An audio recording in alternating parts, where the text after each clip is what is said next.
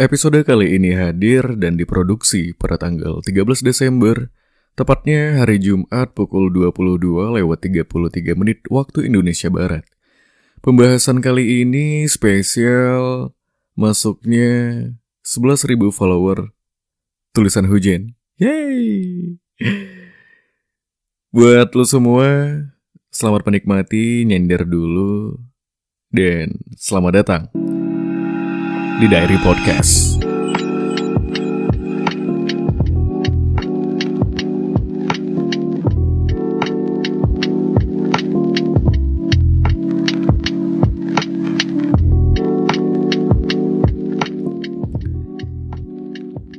Hey, hey, hey, hey, selamat malam. Eh, Hari ini senang banget. Nggak hari ini sih sebenarnya. Em, sebenarnya gue mau ngucapin terima kasih buat lo semua yang udah mensupport ataupun itu hmm, apa ya mencaci menghina gue.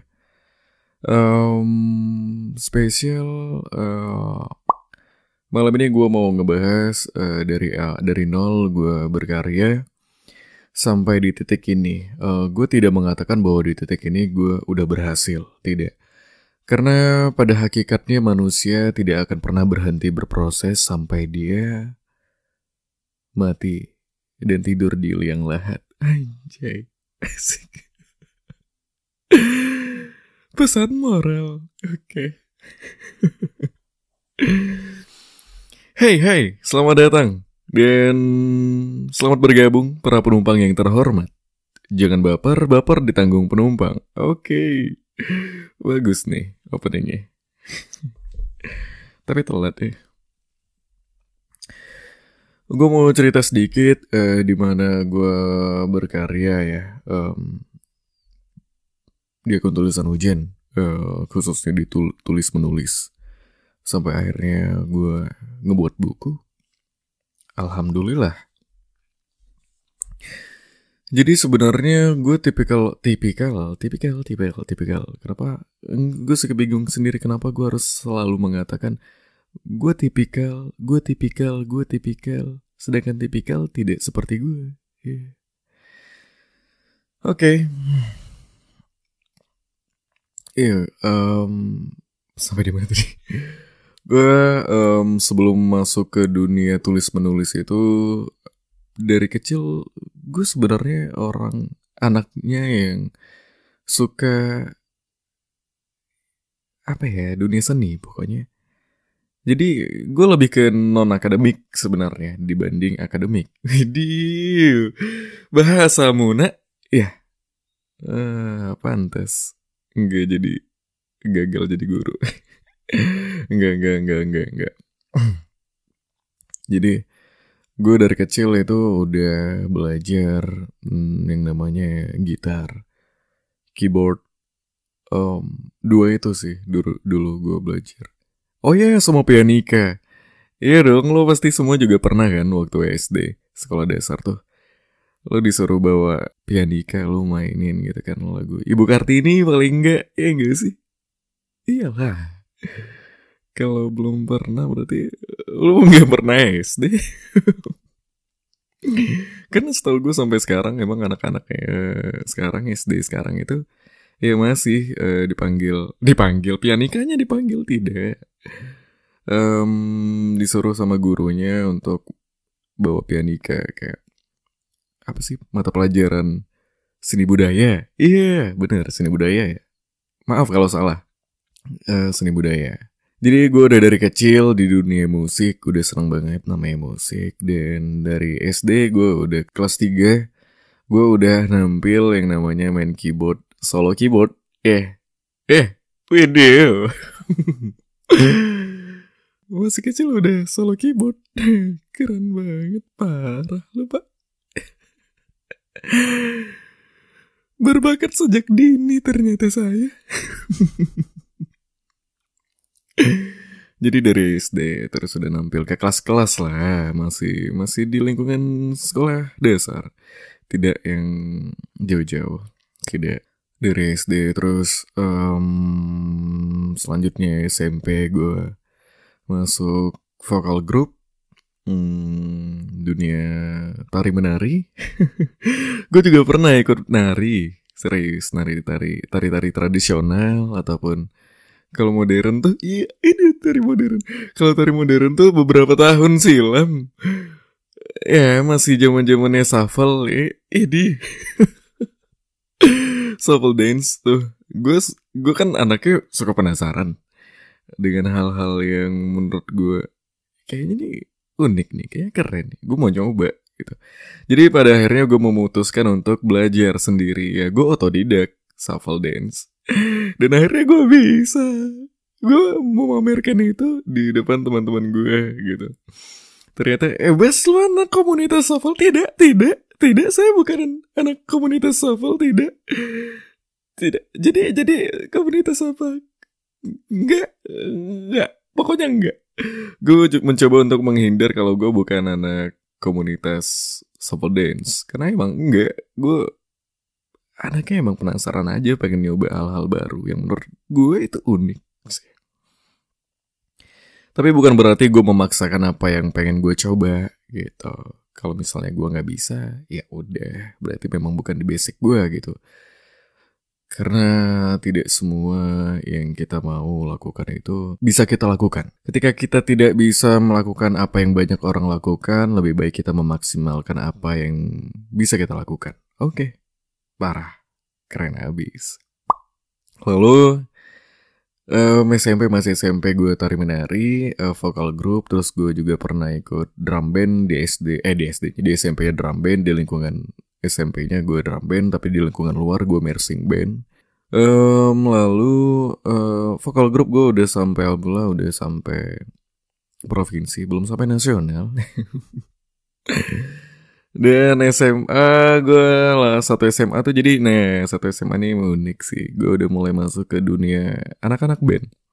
Jadi singkat cerita adalah uh, di SMA gue ini membutuhkan Sabar, belum salah syah syah syah syah syah syah. Jangan sampai di situ dulu. Jadi di SMA gue ini um, kayak buka bukan buka lowongan, tidak. Um, apa ya lebih tepatnya mencari personil. Karena personil-personil di SMA gue ini udah kelas 3 gitu ya. Jadi waktu pencarian itu anggaplah pencarian pencarian bakat ya. gue ikut gitu dan giliran gue ngantri gitu kan. Pas giliran gue ditanya sama si pembinanya kan SMA tuh ada pembinanya. Bu Arma ini namanya. Halo Bu Arma ini. Ya, guru kesayangan ada pandai banget ngejilat. Nggak nggak serius tapi emang dia baik banget cuy. Jadi ditanya gitu sama Bu Arma ini tadi. Kamu bisanya main apa? Hmm, bisa main keyboard gitar, drum. Pokoknya yang yang menurut gue itu yang dibutuhkan dalam satu band itu dalam band itu apa sih gitu kan? Pasti drum, gitar, gitu ya, keyboard gitu, atau vokal nyanyi. Tapi gue nggak kepikiran nih yang satu ini. Apa coba tebak? Basis, ya, basis. Jadi gue nggak kepikiran di situ.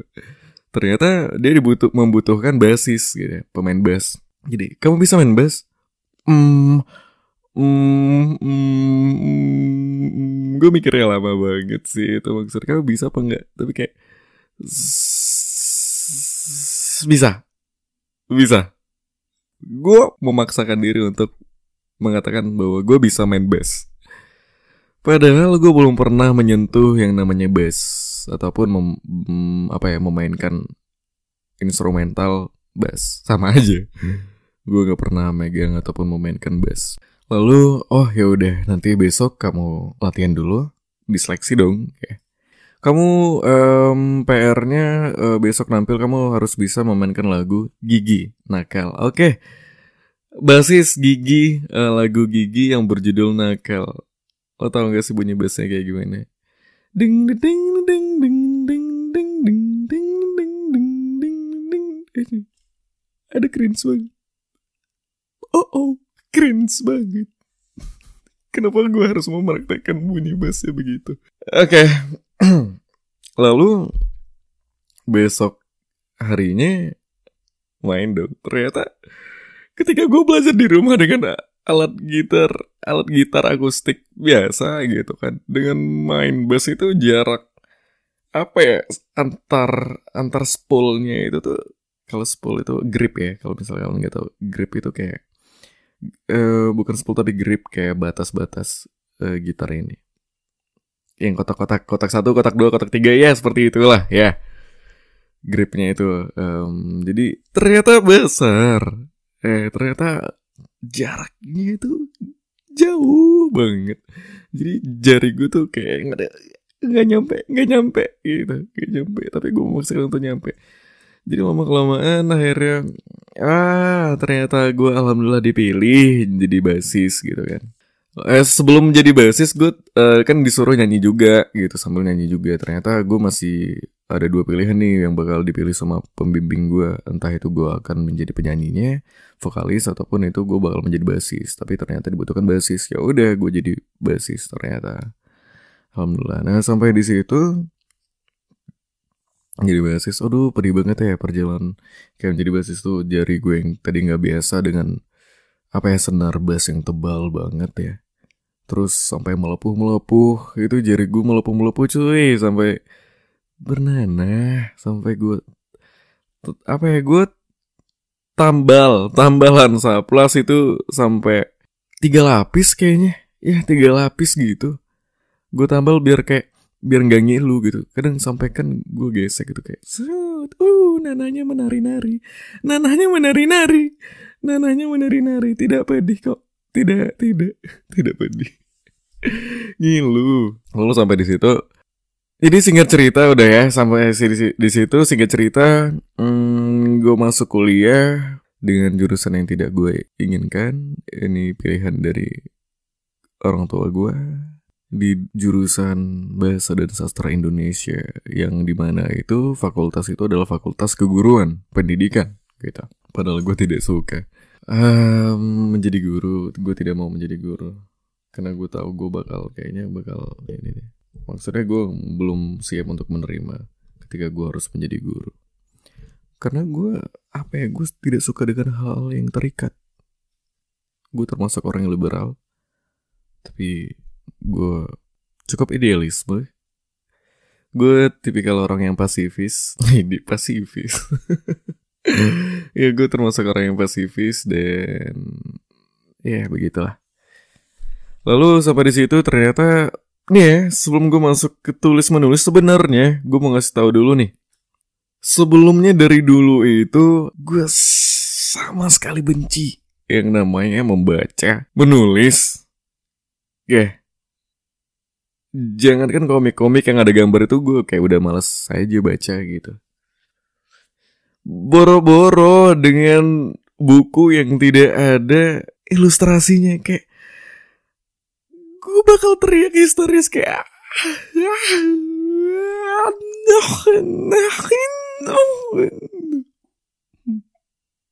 Oh, oh, keren lagi. Tidak. jangan hakimi saya. Lu semua jangan menghakimi gue ya ketika gue cringe begini. Tidak, jangan. Jangan. Gue menjadi turut berduka cita atas jokes gue. Jadi ternyata kayak satu keajaiban aja. Gue suka membaca, gue suka menulis. Mungkin karena gue menemukan satu titik di mana kayak gue balik lagi ke diri gue yang sebenarnya. Yang sebenarnya itu seperti apa gitu. Kadang gue juga bingung gitu. Gue menyadari lagi, gue dari kecil itu emang anaknya introvert. Introvert banget. Kayak santuy, kayak mama bilang duduk duduk gitu. Nggak mau ke mana-mana gitu. Kalau makan tuh tunggu dikasih makan nggak pernah rewel yang mau minta makan. Lo nggak percaya? Tanya sama mama gue ya. Tanya tanya tanya. Gue anaknya begitu makanya mungkin sekarang gue tuh memang orang yang memang nggak pernah meminta ataupun memaksa. Mungkin di situ sih kayak membentuk diri gue yang kayak ketika gue bisa ya udah biar gue aja. Tapi kalau emang gak bisa tapi lu nggak berinisiatif nggak ada inisiatif ya udah. Tetap gue yang lakuin. Tapi kadang-kala kayaknya kita memang sebagai manusia butuh membutuhkan orang lain dia. Lalu ternyata gue suka tulis menulis ketika gue masuk di komunitas sastra. Uh, di mana itu komunitas nama komunitasnya adalah budak belik sastra di fakultas itu. Dan untuk pertama kalinya uh, nama gue masuk di uh, di buku antologi puisi. Uh, gue sama teman-teman gue dan tidak menyangka aja kayak gue baru di dunia tulis menulis ini bukan apa ya gue bukan membanggakan. Iya gini gue sedikit membanggakan atas apa ya usaha gue tidak apa-apa dong ya. Bukan gue menyombongkan tidak menyangka aja kayak uh, ada waktu kayak bedah buku gitu.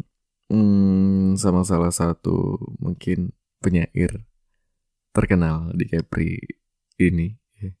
Um, dia lebih senang dengan diksi ataupun puisi-puisi gue di buku atau antologi itu gue sama teman-teman. Bukan berarti gue meremehkan teman-teman gue yang lain tidak, tapi memang gue masih kayak harus belajar banyak sama mereka juga gitu dalam tulis menulis. Bahkan apa yang gue bisa itu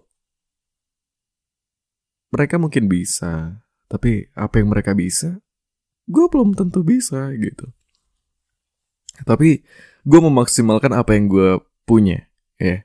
Jadi kayak si penyair ini Capri terkenal ini ya dia makin suka dengan diksi-diksi gue alhamdulillah jadi satu kebanggaan dan di situ gue mulai kayak giat lagi oh kayak gitu Lalu sampai di situ um, puisi-puisi gue tuh masih yang penuh dengan kaya, kaya, kaya akan vitamin C.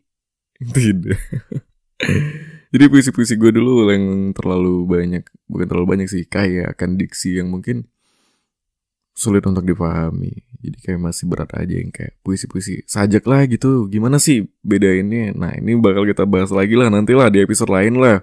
Panjang lah nanti kalau misalnya mau dibahas bedanya puisi sajak ada yang mau nanya gitu kan. Karena memang sampai sekarang banyak banget yang nanya. Kayak bedanya sajak sama puisi gimana? Baca bedanya prosa gimana? Ayo. Ayo, ayo, gue gimana dong jawabnya? Sebenarnya ada hmm, bedanya atau persamaannya.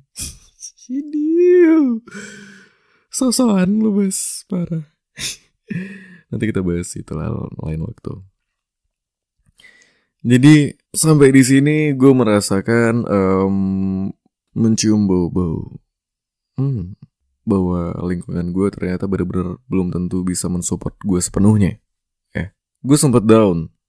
Hmm, gue buat lalu gue punya akun Instagram yang di mana sekarang yang kalian tahu itu adalah akun tulisan hujan underscore. Uh, sebelum itu sebenar sebenarnya akun gue itu namanya adalah Babas, Babas underscore. Lalu gue ganti dengan nama tulisan hujan underscore. Kenapa gue ganti? Ya itu kayaknya sekarang udah kayak gak guna lagi. Gue jarang upload foto gue gue nggak pernah foto-foto lagi dan gak tau kenapa emang waktu itu memang gue masih yang gue nggak pede untuk menampakkan diri gue insecure-nya mulai baru muncul mungkin pada waktu itu. Lalu gue ganti dengan nama tulisan ujian. Gue buat kata-kata doang kata-kata doang gitu quotes gitu. Buat video baca karya-karya gue sendiri gitu. Sempet bosan karena pada waktu itu ambisi gue adalah followers ya. Waktu itu sebelum uh, masih akun pribadi gue itu followers gue itu yang masih 2600-an 2600-an 2600-an gue ganti nama tulisan ujian gue upload upload uh, posting-posting quotes-quotes gitu kan. Banyak teman-teman gue yang follow itu yang masih dilakukan ini kayak mereka mungkin masih menghina tidak mensupport gue sepenuhnya. Mereka masih mengatakan lu kenapa sih bos? Buat kata-kata kayak gitu bucin banget sih gitu. Atau ah syah gitu. Mending lu main game gitu kayak oh oh ya gue bukan anak gamers banget tapi kalau misalnya gue diajak main game gue bisa. Tapi gue bukan gamers. Gue yang gak edik banget ya. Gue gak edik sorry. Jadi sebisa mungkin gue berusaha untuk melakukan hal hal-hal yang bisa mengembangkan diri gue uh, terus sampai di situ sedih aja sih. Pokoknya aduh perjuangannya di situ tuh kayak Lalu gue kenal dengan beberapa orang, uh, beberapa orang yang mungkin masih mensupport gue. Gue menghargai itu. ternyata dari banyak apa ya tidak semua orang itu benar-benar gini deh kita sebagai manusia itu jangan pernah mengharap lebih untuk bisa dimengerti orang lain. Tapi cobalah untuk um, mengharap sama diri sendiri, berharap sama diri sendiri bahwa apa yang kita lakukan itu akan memberi dampak yang baik buat orang lain. Udah, itu aja. Gitu. Lalu um, gue bersikeras untuk membuat buku. Yang di mana itu buku itu mungkin sebenarnya bukan genre gue, bukan genre gimana ya? Kan basic gue kan sebenarnya di puisi gitu. Yang puisi puisinya tuh puisi-puisi yang gitulah pokoknya yang kayak beda sih kayak dengan prosa gitu kayak puisi itu lebih-lebih kayak puisi. Susah buat orang mau menarasikan gitu. Tapi kayak puisi-puisi gue tuh dulu tuh kayak puisi-puisi panggung gitu jadi bakal enak dibaca dengan uh, ketika di panggung. Jadi lo bisa bebas berekspresi gitu. Tapi sekarang ini ya prosa ini yang gue buat buku titik nadir itu kayak ya yeah, bisa dikatakan itu anggaplah kayak narasi-narasi kamar yang bisa lu bacain bis, uh, di akun YouTube lu ataupun di Instagram gue sendiri juga ataupun di cover juga sama orang-orang lain. Thank you banget uh, untuk semuanya yang udah pernah cover uh, karya gue um, ataupun share karya gue. Uh, suatu kebanggaan dan terima kasih. Tanpa kalian mungkin karya gue juga bukan apa-apa gitu. Maksudnya karya gue itu mungkin masih gue nikmatin sendiri aja gitu gue harus mulai berani. Buat lu semua yang belum berani meng apa ya mengekspos karya kalian coba untuk berani expose apa yang kalian punya apa yang kalian bisa jangan menutup itu ya jangan takut untuk dihina ataupun dicaci gini aja deh pelukis pelukis terkenal sekalipun itu juga ada beberapa orang yang tidak menyukai karyanya jadi jangan pernah berharap untuk semua orang menyukai karya lo. Pasti ada beberapa orang yang tidak menyukai itu. Wajar. Tapi itu kembali lagi hak lo itu untuk berkarya. Teruslah berkarya, jangan sampai berhenti hanya karena omongan-omongan yang mungkin membuat kamu patah lagi. Jangan sampai berhenti berkarya hanya karena kamu takut dengan cacian-cacian orang ataupun lingkungan yang tidak mensupport kamu. Teruslah berkarya. Mulai aja dulu jangan pernah mengharap lebih lah pokoknya. Yang penting tuh kalau dari gue sendiri sih tekunin aja dulu. Tekunin aja dulu apa yang mau lu lakuin. Tekunin aja. Lambat laun lu bakal belajar sendiri ya lu bakal belajar sendiri tanpa lu sadari ya lu udah survive skill di situ. Lu makin berkembang um, lu makin menyadari juga bahwa ada beberapa beberapa beberapa beberapa napa dua kali? Beberapa kesalahan apa yang udah lu buat gitu entah itu. Menurut lu mungkin itu kayak ini jelek deh kayak gue butuh inovasi yang lebih keren lagi nih. Ya itu sebagai semangat buat lo untuk berkarya terus mulailah berani untuk mengekspos karya-karya kalian. Gue paling seneng banget ngeracunin gimana caranya nih orang yang tadinya gak berani um, mengekspos karya-karyanya lo harus berani gitu. Ataupun atau mungkin gue lebih seneng juga gue seneng banget. Bahkan di real life gue juga seneng aja ngeracunin orang-orang yang tadi yang gak suka baca luar suka baca gitu. Maksudnya ya paling tidak lu baca ya. Mungkin um, gini loh dengan membaca itu lo bisa mendapatkan banyak hal ya yeah.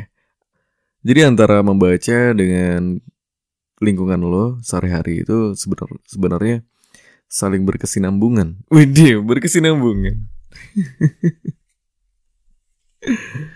Pokoknya harus relate lah membaca. Coba deh. Kadang enak sih gue menyadari kalau baca buku itu seru aja menurut gue. Gak tau kenapa kayak gue tuh suka aja membaca sekarang tuh. Tapi ini ya yang mungkin yang tidak diketahui netizen-netizen tulisan hujan. Eh, apa ya dibalik sosok tulisan hujan yang romance yang kalian lihat itu, um, gue membacakan karya-karya gue yang romance, yang galau, galau, galau mampus lah gitu, galau keterlaluan banget ya. Tapi kalau misalnya kalian nanya, kakak tuh sering baca buku yang romance gitu ya, makanya suka bikin ini, bikin karya-karya yang romance. Enggak. gue malah paling seneng membaca buku-buku psikologi, buku-buku filsafat, itu gue suka baca. Pokoknya hal-hal yang menurut gue menarik yang bisa gue apa ya yang bisa gue praktekkan di dunia nyata ya gue belajar dari situ gitu. Dari psikologi ataupun filsafat gue mengetahui ya gitu lah ya gitu ya nggak usah tiba terlalu dalam. Lalu gue masih belajar kok. Lalu untuk akun tulisan hujan itu sorry uh, gue paling benci banget ketika lu bas gitu ada teman gue bas lo beli followers aduh sakit banget. Ah ah sakit banget. Sakit pak. Serius. Gue nggak beli. Maksudnya hmm, sebel banget. Nggak suka. Nggak suka. Itu hasil karya-karya gue juga gitu. Gue dulu itu setiap hari gue upload satu hari itu satu video. Lo pikir ya gue kerja satu hari satu video gue harus malam gue record gue editing gitu. Upload. Besok gue juga uh, upload sore itu atau enggak pagi atau siang gitu. Biasanya malam gue upload. Malamnya lagi ya tengah malamnya lagi gue record. Besoknya di uh, kantor gue edit. Malam upload. Setiap hari gue kayak gitu.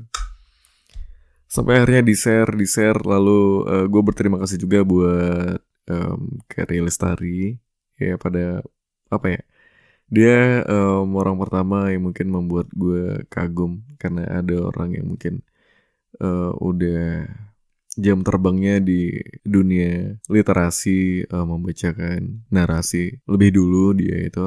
Lalu dia mengajak collab sama gue aduh senang banget. Boleh dicek di akunnya Real Lestari featuring tulisan hujan. Ada dialog di situ. Dan kayak gue juga yang buat Lalu, hmm, yang sedihnya ketika gue membuat buku, gue membuat buku tulisan, eh tulisan titik nadiri itu dalam kurun waktu satu bulan. Gue menargetkan satu bulan.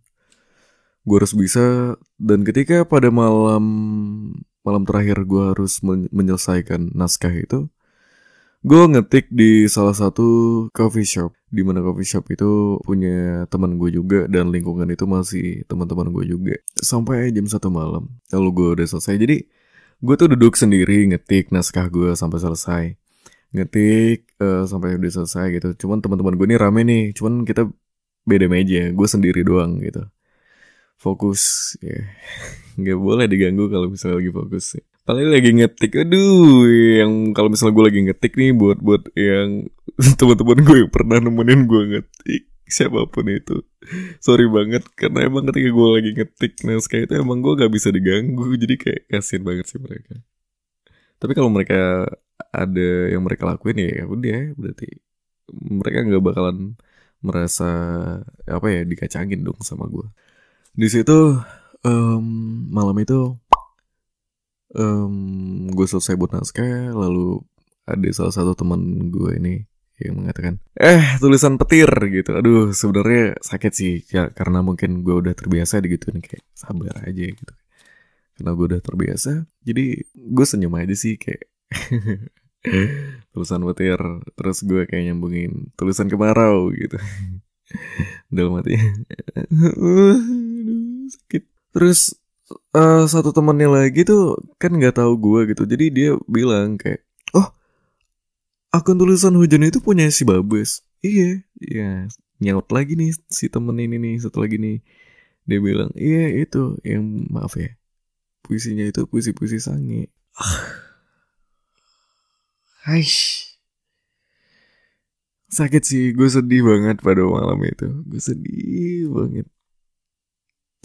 percaya nggak percaya nyampe rumah gue nangis pak. Bu.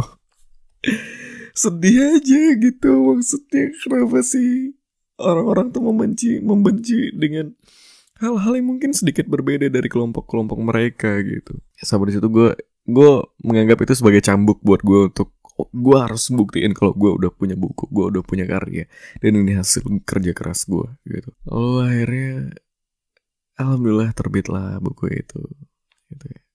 Jangankan buku udah terbit, ini buku kontrak ya buku kontrak. Uh, kertas kontrak untuk gue tanda tanganin aja tuh. Datang di depan mata gue tuh kayak gue pegang tuh gue sedih banget terharu banget kayak gak nyangka. Aduh gue karya gue tulisan tulisan gue mau dibukukan ya Allah. Penyedih anak. Tapi tidak lebih sedih ketimbang harus merindu seseorang yang sudah hilang. bercanda. Anaknya suka bercanda.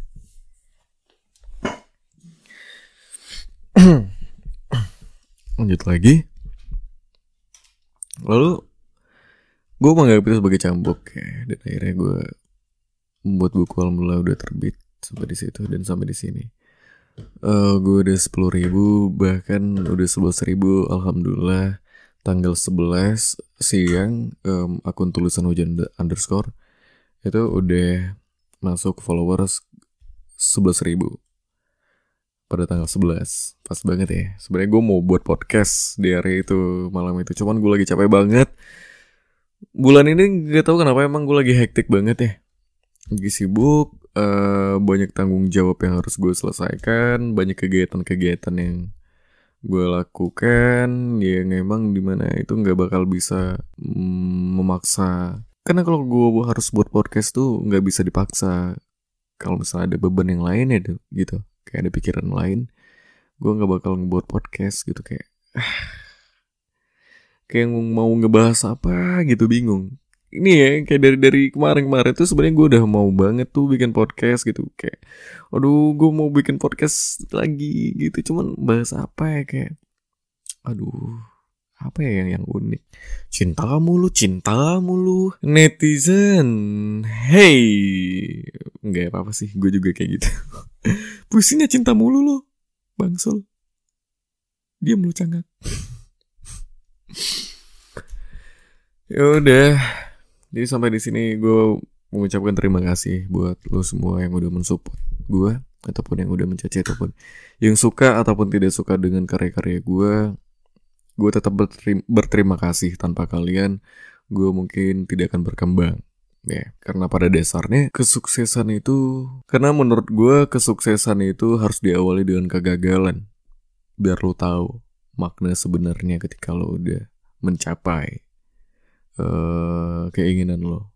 Lo bisa lebih bersyukur. Dan di dalam diri gue gue berusaha untuk tidak menanamkan ambisi. Tekunin aja dulu. Bukan berarti ber berambisi itu apa ya? Kalau menurut gue sih hmm, ambisi itu bisa menjatuhkan seseorang. Mungkin bisa menyemangati seseorang, tapi ketika dia udah semangat, oke, okay, gue harus bisa gini, gini, gini, gini. Gue punya ambisi tuh sampai di situ tuh, di situ gue punya ambisi sampai di situ. Tapi ketika udah berproses berjalan, ternyata lu nggak nyampe, lu bakal putus asa dan kayak down. Ah, shit, ah, shit, shit. Gak jelas banget, bakal gue cut nih kayak gitu. Lalu berkarya tulis menulis sampai sekarang gue masih nulis menulis gue lagi uh, sekarang masih menulis naskah ngetik naskah beberapa naskah yang gue ketik. Di mana itu yang segera akan dibukukan ya. Doakan secepat mungkin ya. Dan doakan juga tahun depan gue mau lanjut kuliah lagi di Jogja.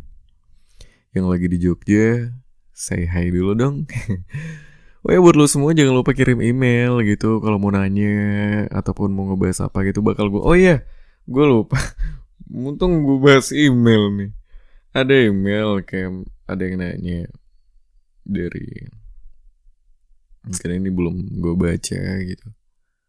Dari Nora Nuraliza aduh.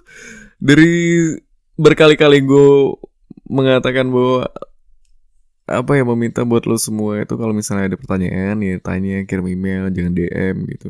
Cuman satu yang DM eh yang ini yang kirim email yang DM DM gue aduh riuh sendiri. Jadi dari ini email dari Nur Aliza. Isi emailnya itu seperti ini.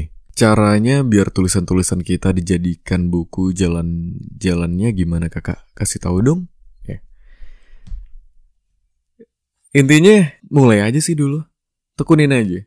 Um, karena kalau lo nggak memulai lo nggak bakal tahu lo udah sampai di mana iya kan kalau misalnya ditanya caranya biar tulisan-tulisan kita dibukukan itu jadi kalau buku gue sendiri tuh gue uh, lulus seleksi sih uh, gue nggak uh, bayar gue nggak berbayar buku gue titik dari itu alhamdulillah nggak berbayar gue pakai seleksi Hmm, jadi alhamdulillah jebol, jebol. Iya masuk alhamdulillah lo seleksi. Yang penting mulai aja sih dulu. Nggak mungkin kan lo mencoba langsung instan langsung sesuai dengan keinginan lo. Untuk mencapai apa yang uh, apa ya? Untuk kita uh, mencapai itu dibutuhkan kerja keras yang sangat tinggi. Selebihnya pasrahkan aja pada sang ilahi. Widih. pada sang ilahi. Berat, berat. Iya. Yeah mulai aja dulu. Eh, buat lo semua yang mungkin lo lagi seneng tulis menulis ataupun lagi nyoba tulis menulis, silakan tulis aja dulu. Berkarya aja dulu, jangan peduli dengan orang-orang. Aduh, jangan puisi-puisi romance dong. Aduh, kenapa sih yang bucin-bucin mulu? Jangan pedulikan mereka, serius. Gue mengatakan itu, kenapa gue mengatakan seperti itu? Karena lambat laun, lu bakal belajar juga. Eh, lu gak bisa memaksakan, kan gak mungkin gini.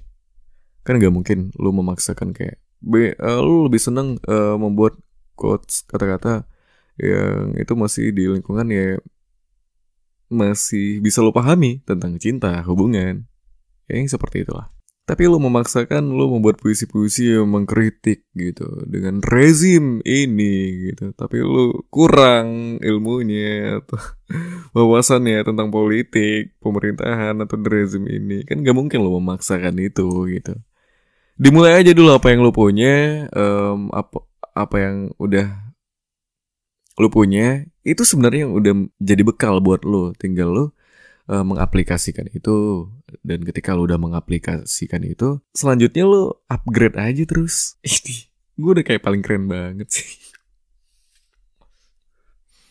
gue udah kayak paling keren banget sih Enggak karena pada dasarnya kita sebagai manusia itu akan terus berproses, tidak akan pernah berhenti. Sekalipun itu berkarya. Hidup, hidup. ya, buat Nuraliza yang nanya cara biar tulisan kita dibukukan itu, tulis saya dulu. Uh, masalah naskah-naskah, oh ya, kalau misalnya kalian, kalau bisa nih, kalau tulis untuk mengetik, untuk membukukan itu kalau bisa buat secara judul besarnya itu dulu. Mau buat cerita seperti apa, buat judul besarnya dulu, gambaran, gambaran aja dulu membuat gambaran yang mau dibukukan itu seperti apa, judul besarnya kayak gimana, buat judul besarnya. Nanti selebihnya tinggal lo isi. Gitu sih. Itu kalau gue sendiri. Tapi kalau misalnya ada yang punya uh, tips uh, cara lain, mungkin kalian juga bisa kasih tahu ke gue juga. Ataupun kalian bisa kirim email juga ke catatan suara. Ada lagi nggak ya email? Gak ada ya. Lalu kayak cukup sampai di sini aja kayaknya. Oh ya gue lagi kayak aneh banget sih kenapa sih kayak eh, gue mau nanya deh kenapa sih gue baru lihat lagi nih iklan iklan iklan kampret. kenapa beberapa minggu ini gue melihat di mana-mana tuh kobra. Cuy, serius gue nanya serius. gue nanya serius. Kenapa di mana-mana gue menemukan king cobra ataupun ular cobra? di YouTube gitu juga. Thumbnailnya ular kobra, iklan Google kobra, Instagram kobra, Twitter kobra. Untung di rumah gue nggak ada kobra, karena gue kobranya. Ya, ini gemes, ngapa nggak lucu sih? Nggak suka. Iya serius ini ya di mana mana tuh kobra gue ngeliat kayak apa sih kok di mana mana gue melihat beberapa minggu ini kobra mulu? Ini sayang banget sih ini ya. Gue kayak menghalus menghalu aja. Kayak berimajinasi kalau sayang banget sih si kobra kobra kobra dengerin dengerin gue dengerin saya. Kayak mulai sekarang lu harus membuat akun Instagram, akun Twitter, buat channel YouTube. Karena lu sekarang lagi viral-viral nih ya. Jadi manfaatkanlah eksistensimu biar lo bisa dapat mungkin dapat AdSense.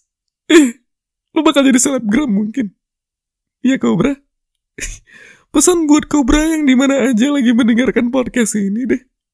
Terima kasih. Cukup sekian. ya gue gak nyangka aja kayak mungkin nih kalau misal Cobra ada akun Instagram gitu mungkin dia bakal jadi selebgram gitu. Ya enggak sih? Dia bakal dapat pet promote, bakal di endorse, mungkin dia bakal jadi brand ambassador. Saya jadi kulit ular kobra lain. Ah, tidak mungkin.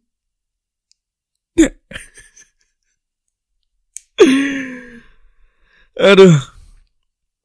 Oh ya, um, kayaknya bulan Desember ini kayak eh, ini deh. Waduh, bulan Desember.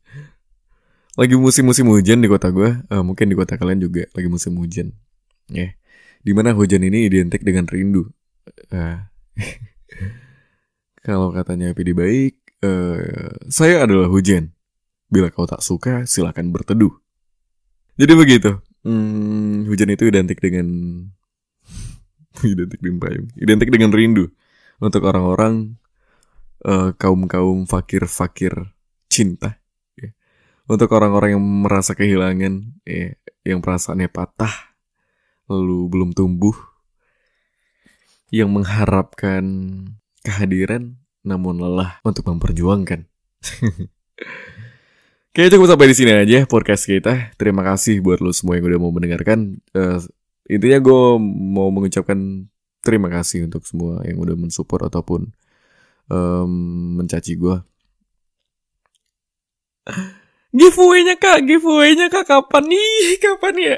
Uh, gue bakal bakal membuat giveaway. Uh, gue udah membuat ancang-ancang ini, membuat ancang-ancang ini gue gue udah memikirkan ini beberapa bulan yang lalu, udah beberapa bulan yang lalu banget, gue udah pikirin nih, gue bakal buat giveaway buat lu semua. Jadi tunggu aja dan pantengin terus, jangan lupa like juga eh, di akun Instagram Hujan dan jangan lupa follow akun tulisan Hujan underscore um, dan jangan lupa juga ikutin terus channel YouTube-nya tulisan Hujan underscore juga. Jangan lupa di like, subscribe, uh, share juga. Jangan lupa diaktifin uh, loncengnya biar lu bisa tahu kapan gue upload. Jadi cukup sekian uh, untuk dunia tulis menulis mungkin ya. Apa ada tambahan lagi ya? Ini ya intinya tuh kalau misal lu semua mencoba kayak oh iya gini. Jadi mungkin ini untuk para pemula-pemula pemula-pemula yang biasanya membaca itu. Gue pernah lagi pengen-pengennya membaca tuh kak tapi kayak tiba-tiba kayak bosan aja kayak nggak ada mood lagi aja gitu mau ngebaca lagi. Tuh gimana tuh cara mengatasinya itu? Lu butuh pemicu apa pun itu intinya lu butuh pemicu atau mungkin gini aja deh. Lu bermain dengan orang-orang yang suka membaca. Lu bermain dengan orang-orang mungkin yang suka gombal atau buat puisi gitu. Main dengan lingkungan itu ya lu bakalan berkarya di situ. Uh, karya-karya orang eh ngedengerin ya karya-karya orang pembacaan orang-orang yang mungkin bisa itu memicu lu untuk membaca membaca tulisan karya orang lain yang kuat ataupun lu bisa intinya butuh intinya lu butuh pemicu aja untuk membaca lagi. Tingkatkan uh, daya penasaranmu, nak anak muda. Hei anak muda. Terima kasih. Uh, cukup sekian itu podcast dari gua. Kita bakal ketemu lagi di sesi podcast episode podcast. Apa sih? Kita bakal ketemu lagi di episode lainnya ya, yang di mana masih dirahasiakan episode apa. Kalian tetap ya dengerin ya, tetap aja kirim aja emailnya di catatan suara gmail.com. Jangan DM. Gue nggak bakal baca kalau DM. ancem, ancem, ancem. Apa lu, apa lu? Hmm, habisan bandel sih. Terima kasih. Um, akhirnya uh, setelah sekian lama gue nggak nge-record podcast, gue nge-podcast lagi nih um, karena memang kendalanya itu memang masih banyak beban-beban yang masih gue pikirin tapi semoga itu menjadi kemudahan nantinya. Amin amin.